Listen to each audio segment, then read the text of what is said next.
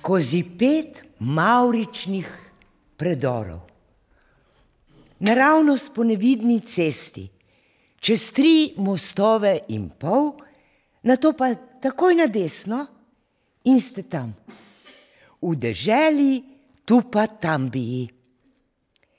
Podobna je našim deželam, vendar je izmišljena in je zato v njej vse mogoče. Tam je vedno lepo vreme, vmes pa točno ob določeni uri blag naliv, da napoji zemljo. Vsi tu pa tambici imajo veliko denarja, marljivo delajo, dobro zaslužijo in tudi na veliko zapravljajo. Raje kot naj zlete v naravo, v gledališča ali kino, hodijo po nakupih v velikanske trgovine. Posebno veliko kupujejo otrokom, kar naprej jih obdarujejo z igračami, da jih imajo vedno preveč. In še preden se jih naveličajo, že dobijo nove.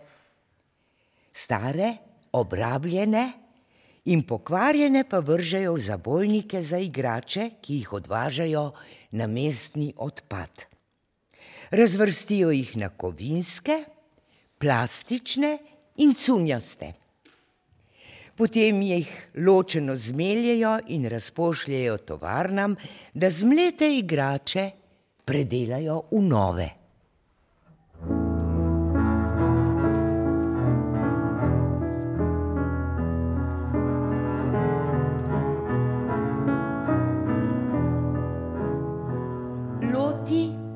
in njeni prijatelji so živeli v ulici z razgledom na mestni odpad. Pravzaprav se ga ni niti videlo. Skrit je bil za visoko živo mejo in za njo zavarovan žično ograjo. Naokoli se je širil park z zelenicami, drevesi, griči s prehajališčem in krožno kolesarsko potjo da parka do parka ni bilo daleč, še posebno s kolesine.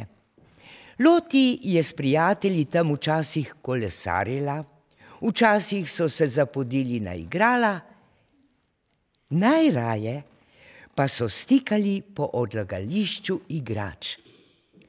Med skrivanjem so namreč nekega dne v ograji za živo mejo odkrili vrzel in se z nekaj praskami zrinili skozi njo.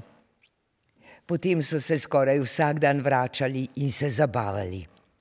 Mislili so, da so zviti in da jih nihče ne opazi, ko brskajo po kupih odpadnih igrač. Delavci, ki so na odpadu upravljali stroje ter skrbeli za odlagališča, pa so dobro vedeli, da so tam.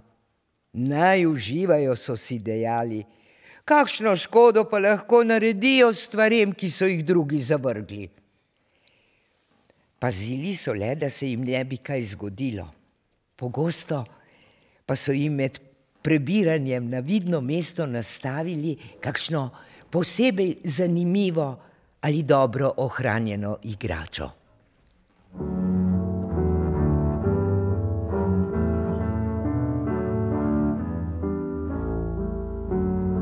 Loti je tik ob ograji, ko je zlezla skozi njo, našla punčko iz blaga in jo pokazala prijateljem. Te punčke so ročno izdelane in zelo drage, je navdušeno povedala. Vsaka ima drugačen obrazek, kaj ni ljubka. Zdi se, kot da me gleda. Poglejte, kako žive so njene očke. Loti je punčko spravila v nahrbnik, potem pa so se igrali mehanike.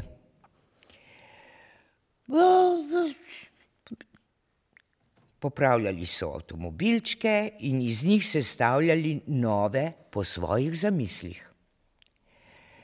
Kakšna čudesa so nastajala, marsikatera nova stvaritev je šla z njimi domov.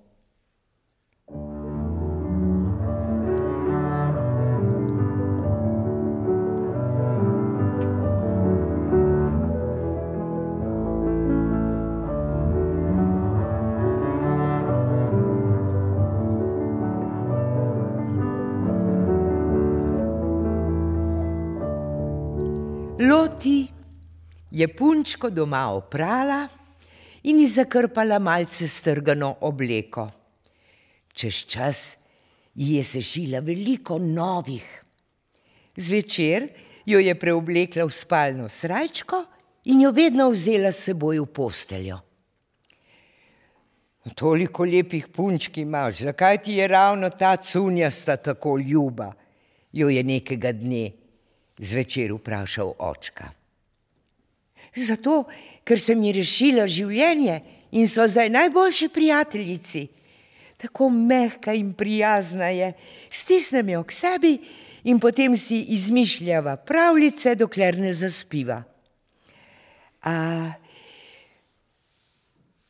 hočeš, da poveš, da ti poveva kakšno tudi tebi? Očka je poklical še mamo in Loti je začela pripovedovati o zakladu odpadu.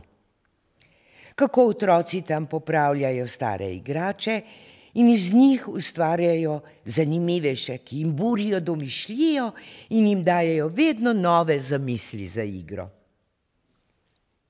Loti je zaspala ravno, ko je bilo najbolj napeto, ko je priletel velikanski zmaj in hotel ukrasti zaklad.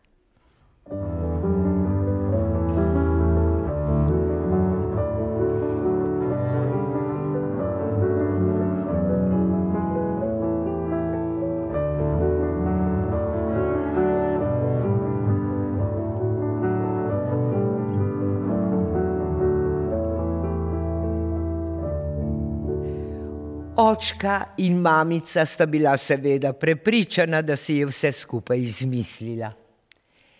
Kmalu pa je vse več otrok iz vsega mesta začelo prihajati na odpad. Sčasoma so ga zaprli in na njem je nastala največja igralnica na svetu. V svet je postal Tupatambija, v kateri vsemu zavrženemu vrnejo življenje in staro postane spet novo. Imenitno, kaj ne? Kaj mislite?